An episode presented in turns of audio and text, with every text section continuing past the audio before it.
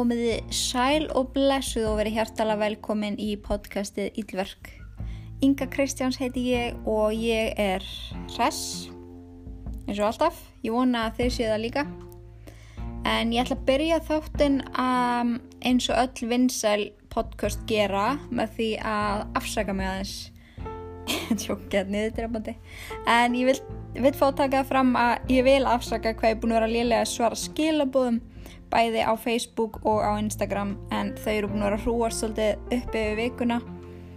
Og það er búin að vera svolítið mikið að gera og ég er ángríns með eitthvað röskun sem heitir já ok, ég ætlaði að fara að finna eitthvað þvilt framandi nafn þetta heitir auðvitað bara frestunar árátta en alltaf því ég sé eitthvað skilabóð þá vil ég ekki svara en bara eitthvað hehe, tengi eða eitthvað svolítið sem langar að svara með öllu mínu hjarta Þannig að ef að þið eru búin að býða eftir svari frá mér í svolítinn tíma þá lofa ég að þið þurfuð ekki að býða mikið lengur því að ég er að fara hjóla í þetta. En uh, býtu nú það. Ég ætla að tjekka hérna með ykkur í beitni. Númer hvað þessi þáttur er. Ég held að við séum að nálgast, já, þetta er þáttur 39 sem þýðir það að næsti þáttur er númer 40. Vá, wow, 40 vikur á mér. Littla litla veistlan Nei, ég segi svona. En í færtuðasta þætti ætla ég að gefa út annan kabla af bókinu minni Íllverk og ég er ótrúlega spennt að vita hvað ykkur mun finnast um hann. Mér finnst hann persónulega mjög skemmtilegur en ég er búin að vera að velta fyrir mér með bókina mína og mér langar ótrúlega að byrja á að gefa hann út á hljóðbók. Ég er búin að spurja henn á Íllverkgrúpunni á Facebook hverju myndu vesla sér hann að freka þannig og það eru mjög margir sem myndi gera það að það sem að hljóðbækur eru snild.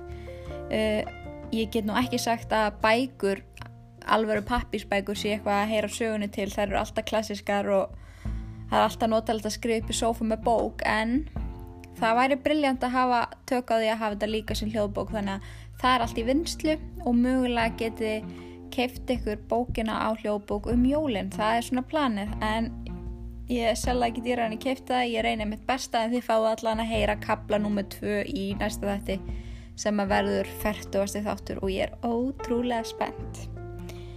En við skulum byrja á að taka fram að ítverk er ekki við hæfi barna.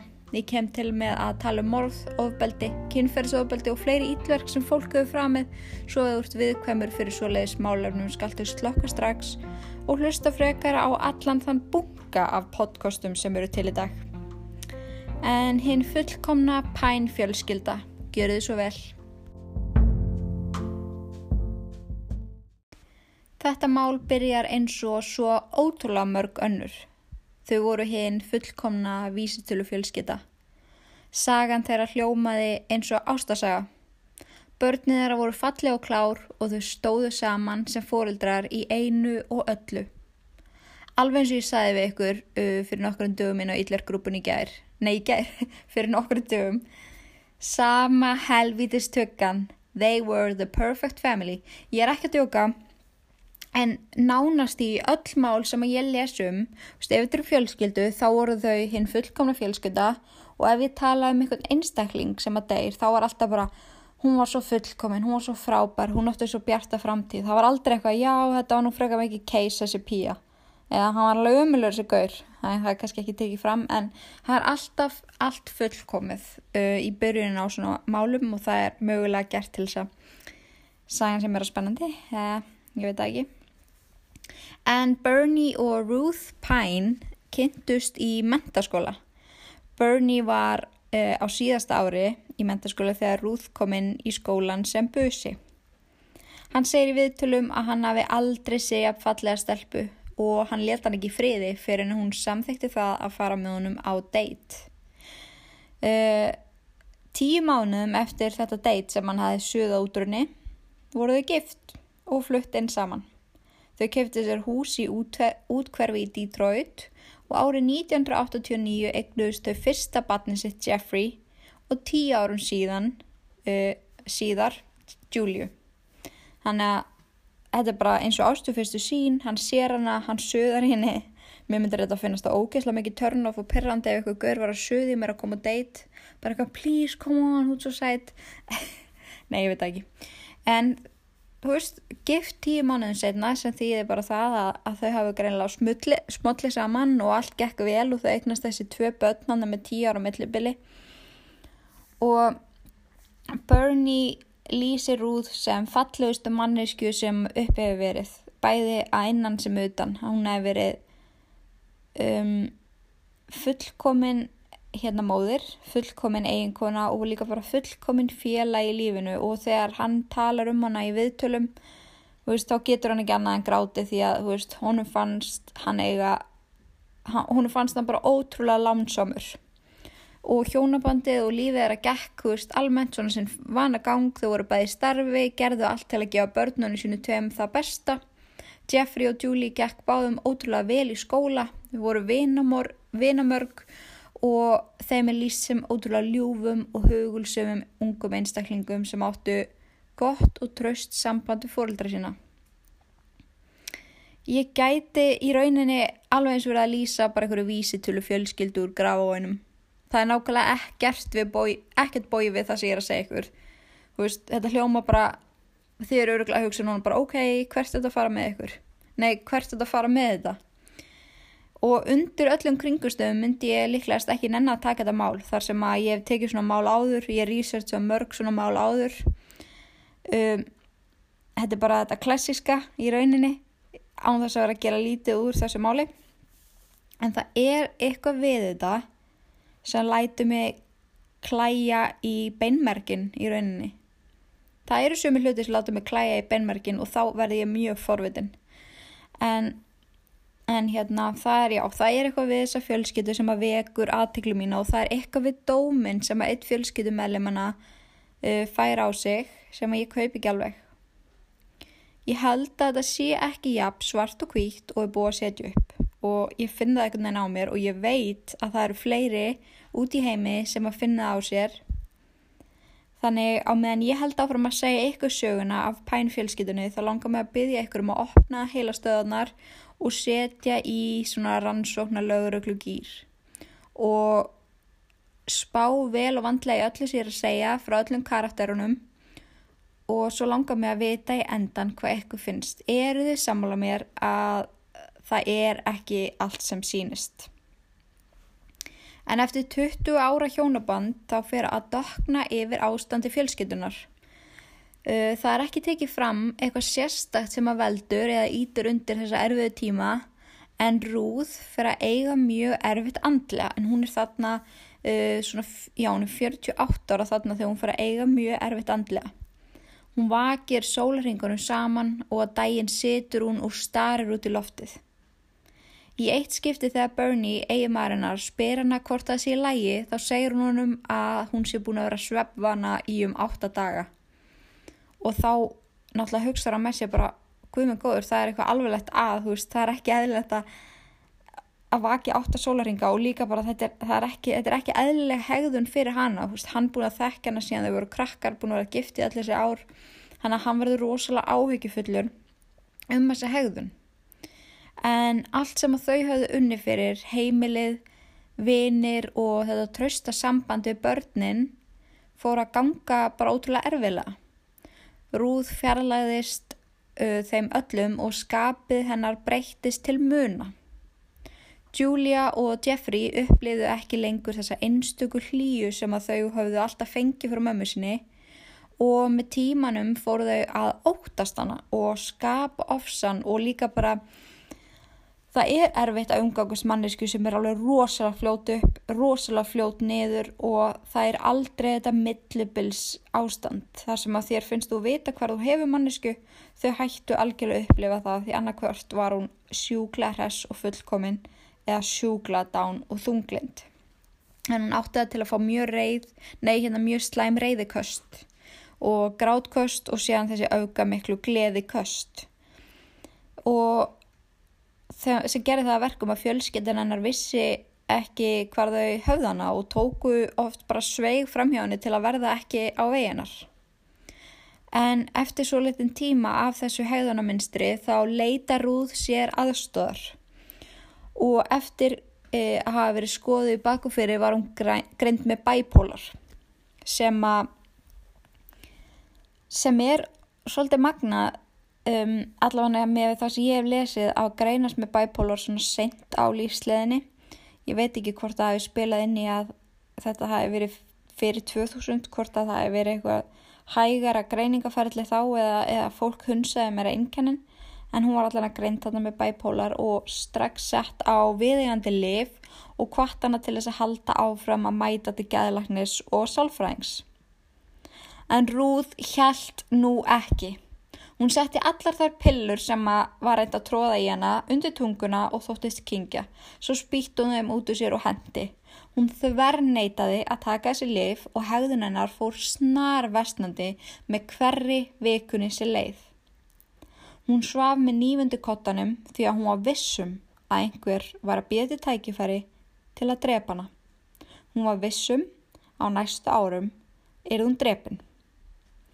Hún leitaði oft tímum saman af upptökutækjum sem að hluta að vera falin í húsinennar því yfirvöld voru að fylgjast með henni. Það kom tímabil þar sem hún var handvissum að það væru örflögur í blóðflæðinennar sem gerði það verkum að yfirvöld gáttu fylgst með henni. En sjúkdómurinn lýsir sér þannig í mjög stuttu máli að manneskjan á mjög hérna, erfitt með að greina hvað sé raunverulegt og hvað ekki. Það geta komið fram ranghugmyndir, ofskinjanir og, og hérna, raunveruleika tengsl skerðast alveg verulega þegar fólk er með bæpólar. Og í rauninni átti ástandi bara til að vestna og Bernie, eh, Bernie fyrir gefið grátt bað eiginkuru sína að taka lifin. Hann gati ekki meir og hann þráði fátt meira en að fá konuna sinni tilbaka sem hafði aldrei á þeirra 20 ára hjónubandi sínt vott af hegðunabröstum og hann myndi var alltaf eftir henni með kvíða eða þunglindi eða stress og hún hafði alltaf verið með svo mikið jafnaðgjöð hann að allt þetta sem þau var að gangi gegnum kom eins og þruma úr heiðskýru lofti en þrátt fyrir gríðalega erfitt ástand heima fyrir náði Bernie að halda börnunum í þokkalega góðri rútinu. Julie æfði ballett og elskaði það á meðan Jeffrey stundaði körfuboltakappi, gekk mjög vel því og þeim gekk líka bara mjög vel báðum í skóla. Þótt á heimilinni voru þau þögul og leti ekki mikið fyrir sér fara þá áttu þau góðan vinahóp, þau voru vinsæl, þau voru góð og að ég veit ekki, það gekk ótrúlega vel með að það voru að lifa við erfiðar aðstæðar heima fyrir af því að það er ótrúlega skiljanlegt að, að þetta bytni á börnunum. Og þau voru mögulega að halda uh, svo miklu út af fyrir sig sem að hefði verið holdt fyrir þau að tjásum en þau vissu kannski ekki ekki hvernig. Jeffrey útskrifaðist úr skóla setna þetta ár sem að Ruth greinist þetta með bæpólar og hann dúksar í nær öllum áfengum og fórildra hans voru algjörlega bara að springa úr stolti. Framtíðin var björnt fyrir Jeffrey og hann lofaði litlu sýstu sinni að hjálpa henni í skólanum svo hún geti líka útskrifast með góðar enganir. Og þau tvö áttu alltaf útrúlega svona gott, traust og fallett samband og hann passa alltaf sjúklega vel upp á hana. Eldaði fyrir hann og hjálpaði henni með námi þegar mamma þeirra var bara ofveik til að koma fram úr rúmunu þannig að ungur þá tekur hann ábyrðina á sýstusinni því að því að Bernie hann var ótrúlega mikið bara að vinna fyrir heimilinu þar sem að tekjurnar hérna, skerðast alveg verulega þegar hún uh, fyrir að vera heima fyrir og getur ekkert unnið þannig að hann fyrir að vinna ennþá meira. Og Jeffrey einhvern veginn tekur sýstusina að sér og gengur henni í rauninni bara í föðustaf hann er bara ótrúlega góð við hana og hún hefur ekkert nema gott um hann að segja. En Jeffrey sótti líka um í tveim vinnum eftir útskrift, uh, þá var hann um tvítugt og hann hafði sérst að hugsa sér að búa heima á meðan hann sapnaði sér fyrir sínu eigin heimili þar sem að tekjur heimilisins eins og ég var að segja ykkur höfðu minga mikið eftir að Ruth hætti að vinna. Og Jeffrey var að borga helming á móti pappa sínum og reyna eins mikið og hann gað til að hjálpa og það sérst á öllum hans færslum, bankafærslum og svoleiðis að hann var alltaf að leggja út, þú veist, hann kæfti mat og borgaði ramagsreikninga og hann var til staðar. Og í öllum viðtölum við Bernie Pine talar hann um svonsinn með miklu stolti og vendið þykju og hann segir að það hafi ekki verið til slæmt bein í líkamannum hans. En þráttur að fá mikinn stuðning frá pappa sínum og, og bróðir, ha, já, frá pappa sínum og bróðir, þá átti Julie ótrúlega erfitt með að geta ekki leita til mömmu sinnar, hú veist, ung stelpa sem eldst upp við að, hú veist, að eiga gett loving mömmu, hú veist, missir hann allt í hennu, en getur samt einhvern veginn að hverjum degi séðan að það hlýtur að vera rosalega undarleg tilfinning.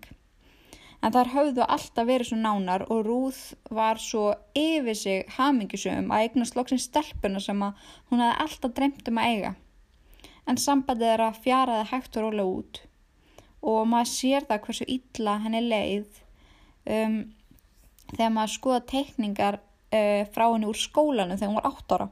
En þegar ég var að skoða gögnin í þessu máli þá kemur fram mynd sem hún teiknaði þegar hún var 8 ára þegar mammana var sem, sem, sem veikust og, og það er staðrænt að það fylgjast ótrúlega mikið með líðan barna með listinni sem þau um, skapa í leikskóla og skóla þótt að stundur sér ekkert að marka það sem þau er að tekna þá er ofta þetta að lesa heilmikið úr uh, svona myndum.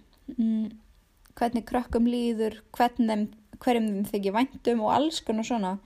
En, en hérna hún tekna sér sett sig og mömmu sinna að leiðast og Julia með skeifu á munninum á tekningunni og rúð hágrátandi og það eru tár út um allt sem er bara ótrúlega lýsandi fyrir heimilislífið á þessum tíma hjá þeim. Hún er bara 8 ára gömul og hún greinlega gerir sér grein fyrir því að það var ekki allt með feldu en hún getur náttúrulega bara kannski ekki tjáð sér mikið meira þetta því að hún veit bara ekkert sko þetta þýðir allt saman. En sýsti Rúð, hún Linda Howie, Howie, J-A-R-V-I-E, því mig bara æfi ykkur að byrja þetta fram, en hún sýst reynir eins og hún gat að vera til staðar fyrir fjölskytunan, hún var, eld, nei, hún var yngri sýstir Rúð. En Rúð treyst henni fyrir ótrúlega mörgu og talaði við hann nær daglega í síma. En Linda, tökum við þessu, Linda segir í viðtali að hún hafi oft og mörgusunum grátið yfir sambandi hennar og Bernie og hún væri hrætt við hann. Hann tæki oft í hana með valdi, öskra á hana og hótaði að fara frá henni. Þetta segir sýstir hennar Rúð að hafi verið að gerast í gegnum allt þeirra hjónaband að hún hafi óttast mannin. Rúð fór oft og mörgusunum og dvaldi hjá sýstu sinni í nokkra daga til að kvíla sig frá heimilinu og Bernie. Þegar Ruth fór svona, þá neittist Jeffrey til að taka um móðulhutverkinu, sinna þvotti, þrifum og eldamennsku því Bernie var alltaf að vinna. Þegar, var, þegar Julia var tíara gömul var hún farin að líta á bróðu sinn sem fóruldri sitt. Þótt Linda segi að Ruth hafi oft og mörgusinu komið og dvali hjá sér, þverr tekur Bernie fyrir það. Hann segir að aldrei á þeirra 20 ára hjónubandi hafi Rúð farið og gisti á sýstusinni, sem að mér finnst ótrúlega skrítið. Af hverju ætti Linda að ljúa þessu að hún hafi verið að koma? Og af hverju ætti Bernie að vera að ljúa því að hún hafi ekki verið að koma. Á þessu stímáls fyrir að koma þessi undalegi rígur á milli Bernie og Lindu.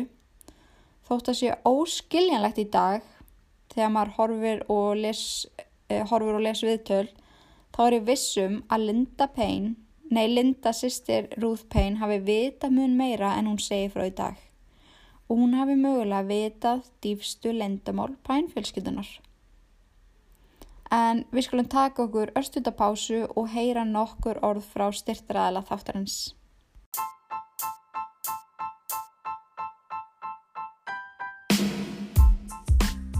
Vissið þú að með kóðanum Inga Kristjáns fær þú 15% afslátt af öllu inn á línbóti.is? Þú getur líka kíkt í heimsókn í nýja glæsela veslun þeirra að síðumúla átta og fengi góða og fælega aðstóð og ráðleggingar um hvað þið vantar og fengi svo líka 15% afslátt við kassan með kóðanum Inga Kristjáns. Ég, hver er þessi Inga Kristjáns eiginlega? Hágeðavörur og hámars árangur og við elskum það. Línbóti.is, þín markmið, þín grein. Velkomin tilbaka. Eh, svo við höldum áfram. e, þá árið 2010 þá versnar hegðun Rúð og breytist mjög mikið. Hún var búin að vera inn og út af sjúgrásum í svolítinn tíma því að Bernie var oft það hrættur um hegðun hennar að hann hafi ringt í sjúkrabíl og bara nenn að sækjana. Í eitt skipti þar sem að Rúð hafi leiði fyrir í um fjóra daga, andvaka, hafi neyta öllum livjum og nánast ekkert sofið, kom upp atveg sem að setja rosalega stórt stryk í reikning fjölskytunar. Bernie og Rúð sátu saman inn í hjónarúmen, hún hann hefði farið og sest hjá henni og hún hefði sest upp líka. Og þau voru bara svona spjallið saman og Bernie hafi tekið þetta spjall við hana bara viltu please allavega að gefa Levíonu sjens nefnur að taka nei, nefnur að gefa öllu þessu sjens sem er verið að reyna að koma mót veist, og reyna að hjálpa þeim með. Nefnur bara í alveg að opna hugaðan og vera ekki svona þver. Og hún bara nipp, nipp, nipp ég er ekki að fara að bóra þessi liv þessi liv eru ekki að fara að virka. Og hún bara það er bara ekki sjens í helviti að hún vilja taka þessi liv uh, það versta er að hún fær aldrei að svara fyrir þetta. Við getum ekki spurt hana, vildur ekki taka þessi lif sem að mér er mjög bökkandi í þessari sögu að, og bara í sögum yfirleitt þegar við erum að tala og lýsa tala um og lýsa fórnalöfum þá getur þau ekki tjá sig. Þau getur ekki sagt bara ababab þú ert að fokking ljúa upp á mig núna. Vist vildi ég þessi lif uh, þú gafst mér verketöflur í staðin fyrir lif eða eitthvað svoleiðis. Mann er langað svo að vita því að þannig bara ein hlið sögð. En hann heldur í allan að fram að hún hefði þvernitað og í því sem að hún er bara nipp, nipp, nipp þá kemur Jeffrey inn, svona þeirra og Ruth snappar. Hún þýtir upp á rúminu setur báðar hendunar utan um hálsin á senu sínum og lemur hann oft á mörgusunum í hausin bara, du, du, du, bara brjálast. Jeffrey gerir ekkert á móti. Hann segir allavega ég get ekkert á móti, pappar segir hann gerði ekkert á móti, hann var ekki óbeldismæður hann leiði þessu bara gangi yfir hann reyndi ekki eins og stoppana og Bernie segist að var séð í augunum á sinni sínum að hvað þetta brautan þetta bara görsalega brauta niður. Og veist, hann sem hafi reyndi að gera allt til að halda fjölskyldinu gangandi hjálpa sýstusni, sjá um heil, heimilið og þetta fekk hann í fokking staðin hann bara, ég horfiði á heim svona minns hrinja þegar þetta gerist. En Bernie þurfti að hafa sig allan við að tækla rútnir í golf og skipaði Jeffrey að ringa í laurugluna sem að komst út úr setna á handtókana. Hún var ákjærð fyrir heimilisofbeldi og þurfti hún að fa hérna, fara og dvelja í 23 sólaringa inn á geðspítala. Þar tók hún inn lefi sín og fór fljótt að sína fram á mikla framfærir sem að glatti fjölskytuna óstjórnlega og það eru til sannanir fyrir þessu, húst, hún var handtekinn, það var á sagaskráni uh, heimilsóðbeldi, uh, hennar skrár inn á geðspítala þannig að þetta actually gerðist. Það er ekkert að setja orð, húst, orð í munnin, setja bara, þetta er til á pappirum. En, en hérna, já, hún sýnir bara því líka framfærir og henni var tekið náttúrulega bara fagnandi þegar hún loksins kemur aftur heim og Núna hluta að vera bjartari tímar framundan fyrir pænfjölskytuna, en allt kom fyrir ekki. Rúð hætti að taka lifi sín eina ferðin enn. Bernie viðkennir að þarna hafa hann verið algjörlega komið með nóg. Hann elskaði Rúð ótrúlega mikið, meirinn allt, en hún var ekki lengur eiginkonarnas. Hún var ekki lengur lífsförunauturinn sem hún var.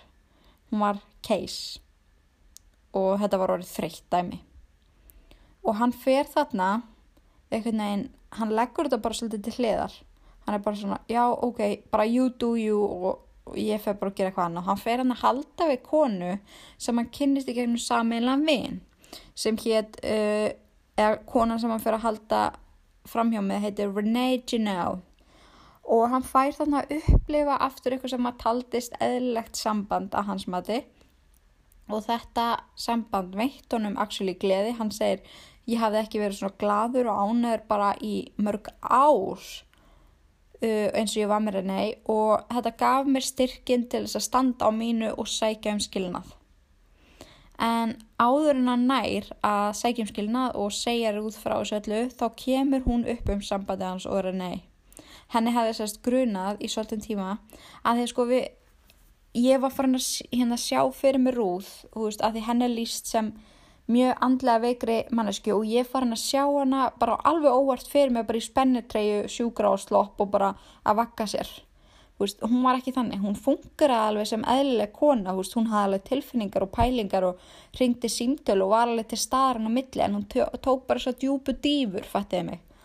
Þannig að hún fatta alveg að það var eitthvað skríti í gangi og eitt kvöldi þá eldur hún hann út og sér hann fara út að borða á þeirra uppáhalsveitingastað með hjákonni. Og þegar hún sá hann frá því að hún vissi af þessu þá viðkennur hann fyrir henni bara vá mér útrúlega létt að þú hefði börsta mig. Ég er búin að eiga gett erfitt með að koma og segja þetta. En ég bara, ég get ekki meira við verðum að skilja það, það er ekkert eftir hennar og ég á ekkert eftir til að gefa þér. Það er bara sannleikurinn en Rúð grátt betur hann að hans sögn bæðu vei, það veit enginn hvort hún grátt baðan eða ekki. Við erum bara að taka þetta út frá því sem hann segir. Þá sérstaklega grátt beður hann um að endur skoða ákvörðun sína. Hún sé tilbúin að gera hvað sem er til þess að laga hjónabandið þeirra. Og börni var náttúrulega á sömu skoðun segir hann, bara auðvitað langaði með að laga sambandið mitt ef að það var hægt veist, og geta haldið fjölskyldunum minni saman það væri náttúrulega óskandi og, jó, og hann óskaði þess heitt og innilega að, að dæmi mitt er gangað upp en Hann sagði við hana, ég skal reyna aftur ef að þú lofar að taka lifið þín og leifa mér að koma með þið til læknis til að fylgjast með. Hún félst á það og árið 2011 var allt eðlilegt og ný. Hún bara fekk sína aðstöð, hún tók lifið sína, hann horfið á hann að gera það og Bernie segi frá því að hann hafi bara sjaldan verið af hann ekki samur og yfir sér ástfangin af rúð. Þannig fekk einhvern veginn bara að falla fyrir henni bara all over again. Hann bara, ég var svo ástökin og mm, mm, mm, mm, dæmi gekk upp eftir allt saman. Og hann bara trúði valla sínum eigin augum og öllum skinnfærum, fattiði mig. En þetta er ógótt til að vera satt. Það er bara þannig og vorið 2011 fær neyðalínan inn þetta símtall 911, where's your emergency? My wife, she's like in the garage. There's blood everywhere. Rúð fann sláttinn við útýtira hörð bílskúsins. Hún var klætti í leggings, flýspeysu og ótrúlega svona fluffy og cozy sokka. Ég rángrið sér alveg en sokkum og hún núna sem er mjög creepy. En hennar plan hafi bara verið að kaupa í matinn, þrýfa hennar dag og vera bara svona dutta heima við eins og maður gerir. Og hún hafi verið um, bara ykkur hafi komið aftan að henni, hún hafi verið bara eins og heftala í höfukúpuna og bara í höfuðið að höfuðkúpu beinið hafiði splundrast þannig að heilin lág hálfur út úr höfukúpunni og snerti gólfið. Og ekki nómið það að hafa verið barinn til óbóta með barefli var búið að stingana um 16 sinnum í hálsun og það var blóð bókstala út um allt. Bara hvert svo leist var ógeðsla mikið blóð. En börni kemur að eiginkonu sinni á St. Júli en hann hafi verið að sækja henni í skólan. Þau hefði lagt, lagt bara fyrir utan húsi uh, og séðan var það bara þannig heima á þeim að þau fóru alltaf baka til og fóru inn bílskúsmegin á meðan uh, ingangurinn að framann var meira svona spari. Bara alveg svo þegar ég var lítil þá var þetta líka svona þá var alltaf svona bakdrahurð og svo svona spari ingangur en hérna um, já og það er að sjá á myndum af vettvangi hvernig eh, skólataskan hennar liggur bara aðna fyrir utan því að þegar hann kemur inn svona undan henni og sér þetta þá hrindar hann henni aftur fyrir sig stelpunni svo, ekki, svo hún myndi ekki sjá þetta. En hann fyrir hann á ringir hérna á, nei, á hérna 911 Jeffrey var ekki heima en hann hafði mætt í vinnu klukkan þrjúum þennan dag. Og áður en hann hafði farið að vinna þá hafði hann verið að hjálpa nágrannar konu sinni eða þeirra að mála kjallarinn hennar og gróðu setja ykkur að runna og bara eitthvað að stúsast að því að hann var að fara að mæta svo sent í vinnuna ennan dag. Þannig að fjölskyldumæliminni voru allir með fjárvistasönnun og komu algjörlega að fjöllum þegar þau gerðu svo grein fyrir þessu hróttalega ílverki sem hafi verið framið um hábjartan dag á heimilunni þeirra. Þegar ansóknir á málinu hófust fór að koma upp alls konar upplýsingar sem að vöktu spurninga lauruglu. Þegar sýstir Rúð var spurð út í þetta mál, sagði hún án þess að heika, án þess að blikka, Bernie did this. Hún sagði að hann væri ofbeldisfullur og hann hafi verið oft vondu í sýstir hennar og hún hefði oft kvarta undan honum. Hún sagði lauruglunni að þeir ættu að grafa í forti Bernie en hann hafi eins og lami mann það mikið til óbota að þessi maður enda í hjólastól og hann væri ekki allur sem hann er séður. Bara ekki láta þessi skær bláu augu því að Bernie hann er angríns mjög ómyndalegu maður á mínu, mínum hatallana en hann er með bara bláustu augu sem ég nokkuð tíma sé þau eru bara blárið en allt en allavega Um, hann viðurkenni fúslega hafa verið mjög vafarsamur ungum maður en hann myndi aldrei gera eiginkunni sinni megin. Hún fannst í rauninni viðbjöður að þetta væri bara hugmynd yfir höfuð að hann hafi gert hann eitthvað. En einu sönnunagögnin í þessu máli voru svo að aðlinn sem myrtir úð, myrtir úð virtist hafa verið mjög reyður. En sérfræðingar í svona málum segja að þessi tegundamorði kallist overkill.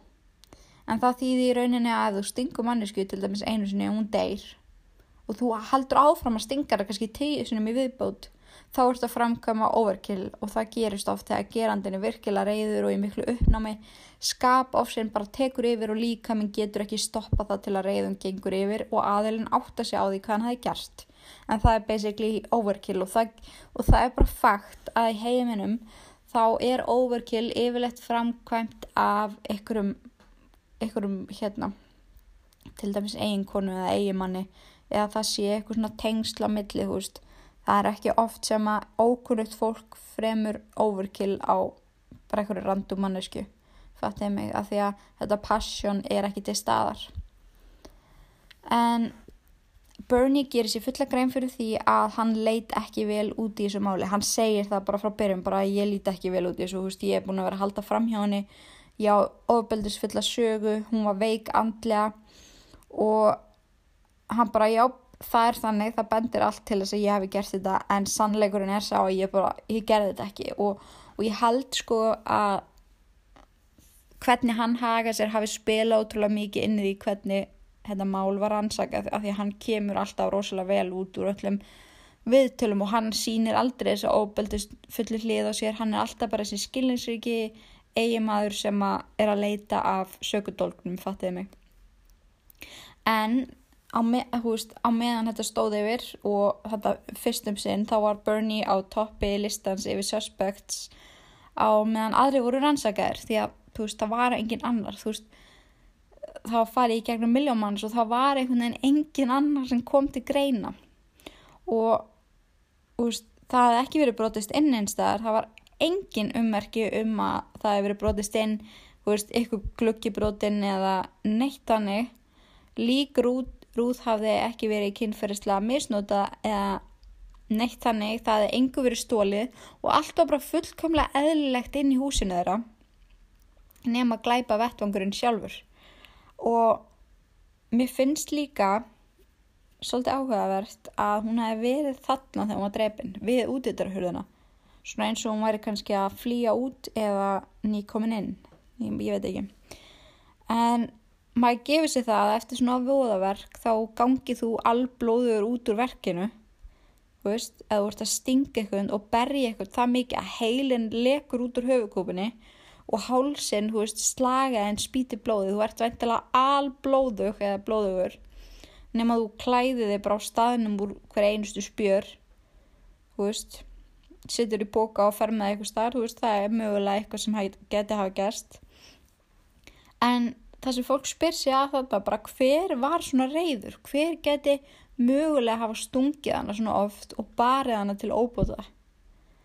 Og það sem að, eða úr nafni sem kom þeir, uh, þeim í huga eftir að hafa verið búin að rannsaka fjölskyttun og taka við til pappan og, og frænguna, lindu og, og, og stelpuna Þá er Jeffrey næstur á listan með einstaklingar sem þurfti að rannsaka. Hann hafði í raun enga goða fjárvistasönnun nema bara orðinans. Hann hafði fjárvistasönnun frá klukkan þrjú, daginn sem að Rúð var myrt en margt gætt gest fyrir þann tíma. En hann segist að verið hjá nágrannakonu þegar að mála kjallarann setja niður runna sem að hún hafi nýverið kift og beða hann um að hjálpa sér að planta. Hann hafi, hafi rétt hitt mömmi sín um morgunin og ekkert fór þeirra á milli sem var skipt í máli, allavega segir hann það. Síðan höfðu komið fram találskilabóð sem uh, höfðu verið skilin eftir í síma nágrann hans eftir að Jeffrey hafi lokið verkinn sínu og ég ætla að lefa ykkur að heyra núna talskilabóðin eða símsvara skilabóðin og hlustu yfir að fólki finnst það nefnilega mjög skrítið hvað hann er um, eitthvað svona mikið smáadröðum í þessu símtali allavega hlustu yfir það Hey, Mrs. Ian, it's Jeffrey. I've been over to your house a few times. I thought you were uh, coming home. I was just over there for about an hour or so, just kind of sweeping up, kind of checking things out. I was actually hoping you'd be there. Jeff, I'm going to ask you a tough question here today. Okay. Um, did you do anything today at all to hurt your mom? No. No. In any way, shape, or form? Nothing. Did you have any arguments with your mom No. today? I didn't say anything hurtful to her. I did nothing.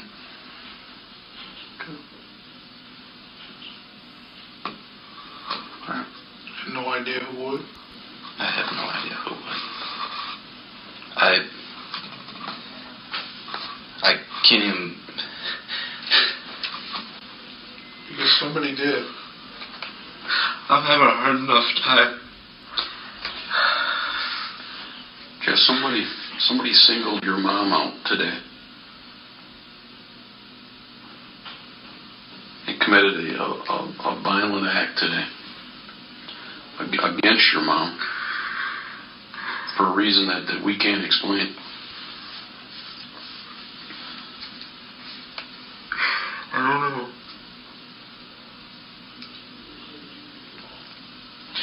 That's why we're asking you the questions that we're asking you. I know. I mean, we have a lot of uh, questions and, and and not a lot of answers. And and you know, we nobody can tell us why somebody would do this to your mom and single your mom out of all people. I don't know.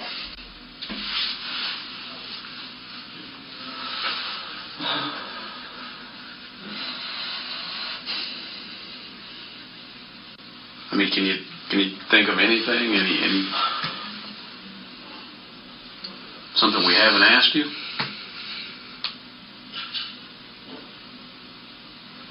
I mean, there's reasons for there's reasons for everything that happens.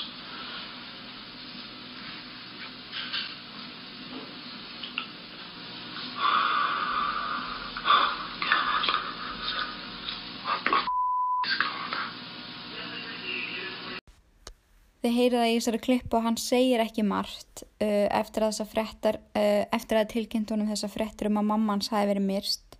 En ég get allavega sagt ykkur að hann sýnir heldur engin sérstök viðbrögð. Hann tekur um andliti sitt með annari hendinni. Uh, þar sér maður líka að það eru að báðar hendurnar hans eru vafðar hvítu sárabendi sem að lauruglu þjóttnum ber hann um að taka af sér og þar má sjá blöðurur staðsettar á nákvæmlega sama stað á sikkur hendinni.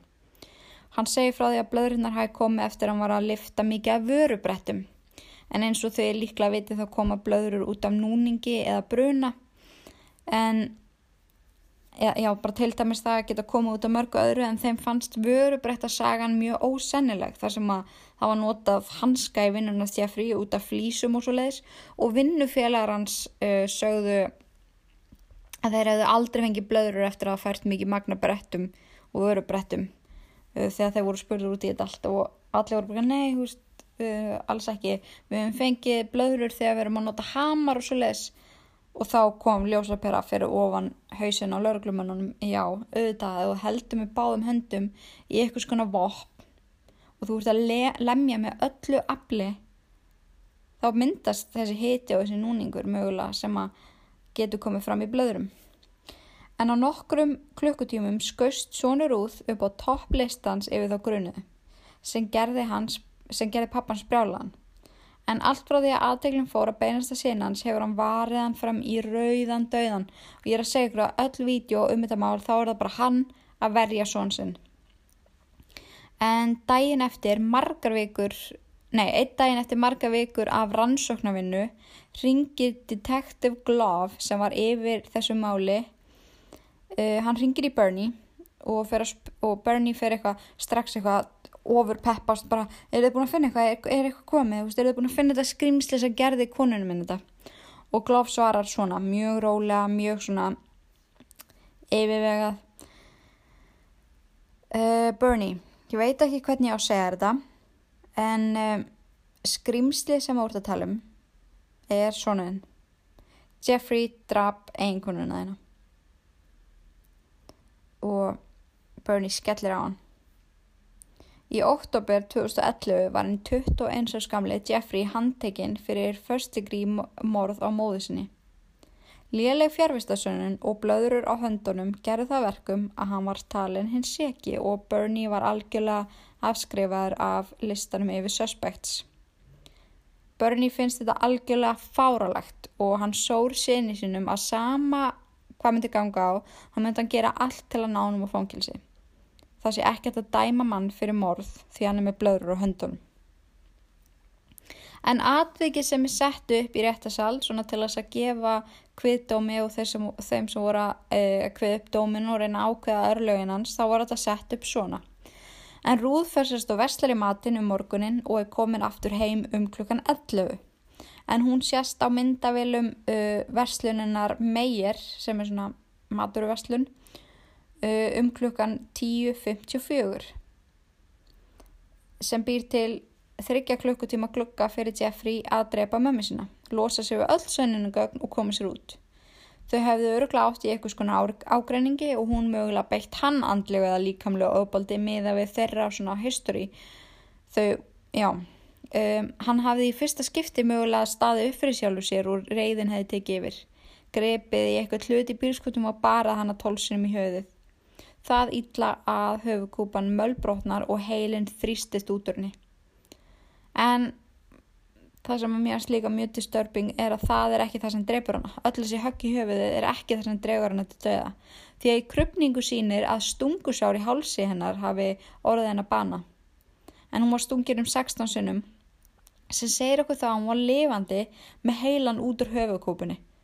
Guð minn almatur. En kannski var Jeffrey að losa um alla þessa uppsöfnuðu reyði eða þetta uppsafnaða svekkelsi sem hann hafi upplifað alla sína æfi eftir að hafa þurft að gera allt á heimilinu í sí- síðustu árin og fá aldrei þakkir. Kanski snappaðan sem er alveg sennilegt. En hann hefur allavega náða að framkvæma þetta allt á þrejum klukkutímum því að þegar Bernie finnur líkið þá er klukkan hálf þrjú og þá er ennþá hóltími í að Jeffrey eigi að vera mættur í vinnuna og hann er ekki heima. Það kemst svo upp setna meir þegar nákvæmna konan var spurð út í máli að hann gróðu setti runnuna nokkur tugum áður fyrir hana, en ekki þennan dag eins og hann hafi sagt lauruglu. Hann lígur, hann var tilfinningulaus, hann spurði aldrei út í neitt, hann var sá sem draf rúð og það er bara þannig, segir Detective Glove og, og heldur því status stöðut fram. En mér langar að fá að skjóta inn í núna Býtið þetta á með vassabu. Ég, mér er svo heitt í hamsa, ég er bara þurr í mununum. En, uh, já, mér varst þetta mjög skrítið að í yfirheyslunum, en ég margsinni séð alls konar hérna viðbröð hjá fólki. Þú veist, sumir, þú veist, garga, sumir, það líður öfur suma, sumir bara starð í tómið. Að það er bara staðrend að enginn bregst eins við svona tilkynningu. Bara hei, mamma henni dáin, hún var drepin. Þú veist ég held að enginn bú, bú, veist, bregðist eins við. En það sem vakti mína aðtegli er að Jeffrey segir þegar hann er spurður hvað fór ykkar á milli þennan morgun? Og hann svarar ekkert sérstætt, ég sagði ekkert hörtfúl við hana eða ég sagði ekkert særandi við hana. Af hverju ætla hann taki það fram? Af hverju ætla hann hún finnist mikilvægt að setja orðið særandi inn í setninguna? Þú veist ég er svona spáðið þú veist í staðin verið að bara nei veist, það var ekkert, við sögum ekkert merkilegt bara góðan daginn eða eitthvað. En nei, ég sagði ekkert særandi við hann svona eins og hann væri í eitthvað skonar vörn mögulega. En gæti að verið af því að hún sagði eitthvað særandi við hann eða sagði hann eitthvað særandi við hana sem að olli því að um, þau fóru að rífast. En þessi til, bara þetta tiltekna orð vakti hjá mér grunnsemdir og ég fór að spá í þessu öllu saman. En þegar Mál Jeffrey var tekið fyrir í réttasal uh, var breytt uppsendingu málsins. En það er eitthvað sem að Champion uh, löffræðingur uh, pænfjölskyldunar já, ég hef 100% á því að þau réðan til vinnu á því að hann hétt Champion. En hann var sérst mjög hrættur um að þetta myndi gerast að, að það er þið breyttur því að vera first degree murder yfir í second degree murder. En muninu þar á milli er sá að first degree þá ertu sérst búin að plana glæpin fyrirfram en second degree framkvæmur þú glæpin svona spontant. Þú reyðist og ræður ekki við þig og getur ekki hamið þig eða fattið mig, bara svona spontant.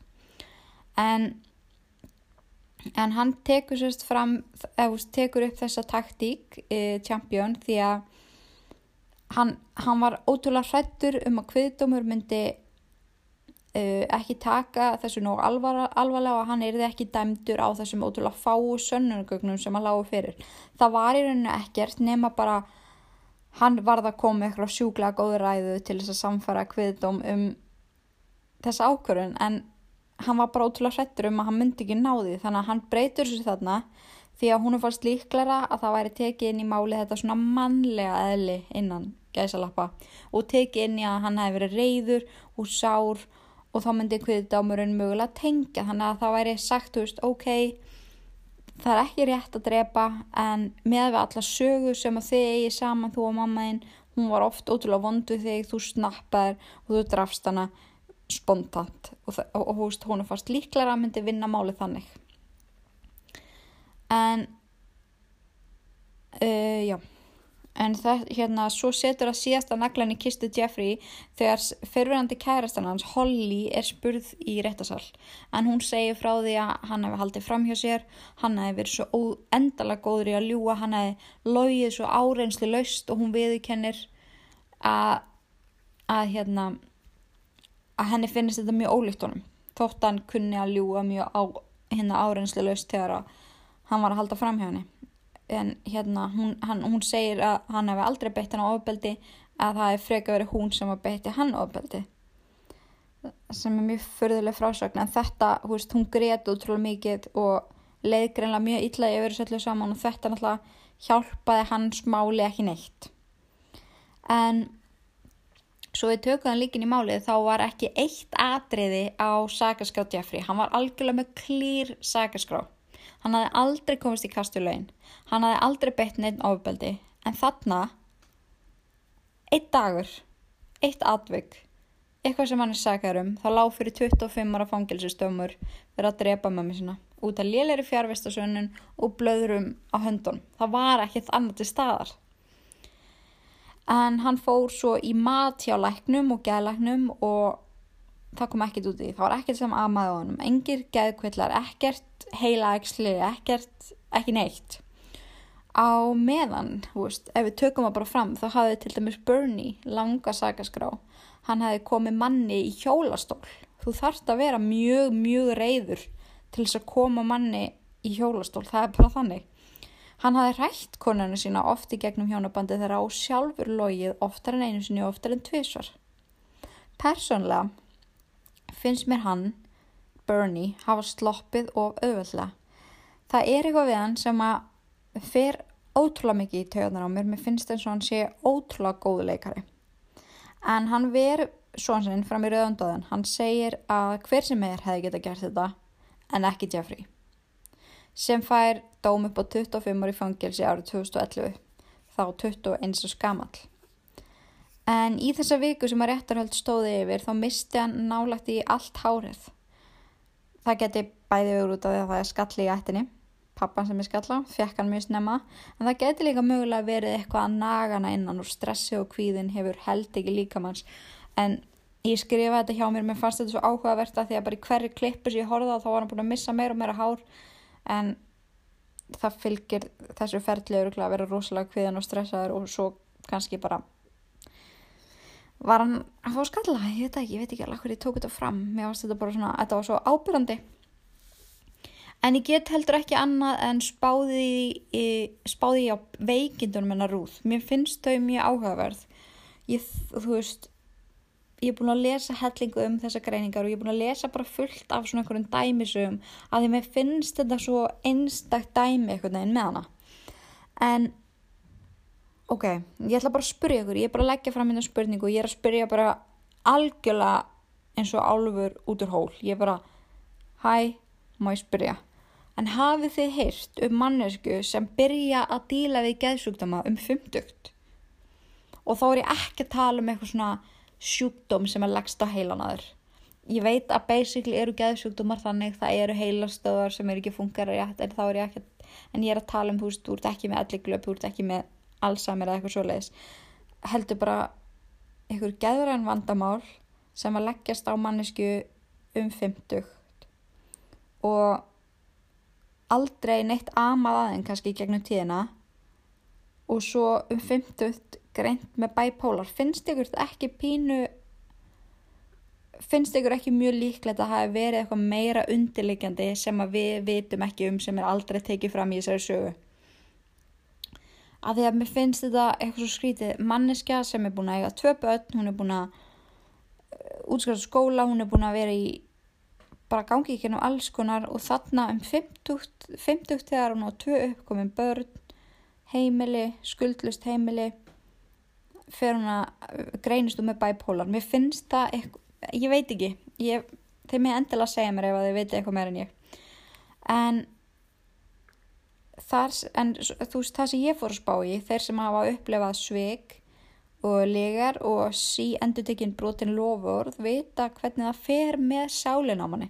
Þið viti alveg, þú veist, það hafa potið allir lendi ykkur tíman að vera svikin heftala, farið ítla bak við þig eða jáfnvel vera í sambandi þar sem að það alltaf að koma upp eitthvað svona trust issues. Og það er bara staðrænd að maður verður ótrúlega nájaður, maður verður stressaður og trösti er ekkert. Og maður endur á að vera einhvern veginn svona tippland og tánum alla daga. Þú svona þorir ekki að tjá þig of mikið um þetta en ert alltaf á varbergi veist, þetta er eitthvað svona veist, þetta fokkar illa upp í heilanum alls konar svona meðferð. Og, og ég vissum að þótt að ég þekki engan persónulega fólk sem hefur verið í óbeldinsambandum með andlega, andlegum óbeldinsambandum fyrir að fara að upplefa svona og geta mögulega að þróa með sér ykkur svona kvilla. En, en það vantar inn í söguna til dæmis allt sem að hérna sýstrina Rúð segir þú veist að hann Bernie hafi verið óbeldisneður allt hjónabandið þeirra og hafi mögulega haldið fram hjá hann oftar en, oftar en í þetta skipti sem hann viðkennir skæti þetta hafi verið geðsjúkdumur sem hún þróaði með sér eftir margra, margra ára vanliðan finnst ykkur að líklegt? Veist, þetta er það er ekki endilega morðið sjálft sem að pyrraði mig við þetta mál heldur bara hvernig að fara að því. Mér finnst einhvern veginn verið að tekið af henni allt, hún er bara eitthvað gæðsjúklingur sem að var óðböldisneið við alla og fjölskyldan hennar var bara fórnalömp fattiði mig. Ég er svo vissum að það er svo margir sem hlustaður sem eru með svo sterkar réttlætiskend sem eru oft mjög sammála mér í ykkur svona þannig að ég er mjög spennt að heyra hvað ykkur finnst. En mér finnst líka bara að segja meira en þúsund orð hvað Bernie gætt gengið um húsið þeirra. Þú veist ef að þið horfið, ég horfið á hérna BBC uh, svona klippu um þetta eða svona eiginlega dokumentari og þá er hann bara að ganga um húsið. Hann sýnir bara nákvæmlega já hérna lágun og fætunar hennar voru svona hérna blá, hérna blóð og hérna fann ég hann að dána. Og líka það að hann let bara þrýf þetta og hjælt áfram að búa hana eftir glæpin og hann segi sjálfur veist, það hefði hver sem er geta drefið hana. Bara ekki ég og ekki Jeffrey. Hvernig getur hann þá búið rólegur í húsinu með dóttur svona ég veit ekki en þráttur það að gögnin gegn Jeffrey séu meiri en Bernie það er rauninni engin gögn gegn Bernie og hann er semi með mjög góða fjárvestasönnun þá bara fæ ég þessa ógeðslega sterku tilfinningu að hann viti miklu meira og sé að leika sig þennan, sem þannig góða kall til að venda svon sinn, venda orðspóru sitt og fara ekki sjálfur í fangilsi. Það er bara eitthvað mál, nei það er bara eitthvað við þetta mál sem að finnst bara ekki rétt og hvernig það er sagt frá því. Hvernig þið tala um Ruth og setningin sérstaklega þegar Bernie segir I loved Ruth but this was getting old. Það er bara allt eitthvað svo bóið við þetta og þótt að sé maður í fangelsi þá held ég að öll sagan sé ekki sögð og ég er fáralega forvitin að vita hvað ykkur finnst um þetta mál. Hver eða hverjir myrtu Ruth Pine og af hverju? Takk fyrir að hlusta, takk fyrir að vera til og í guðanabænum forðust öll ílverk. Nema þetta podcast. Verið sæl.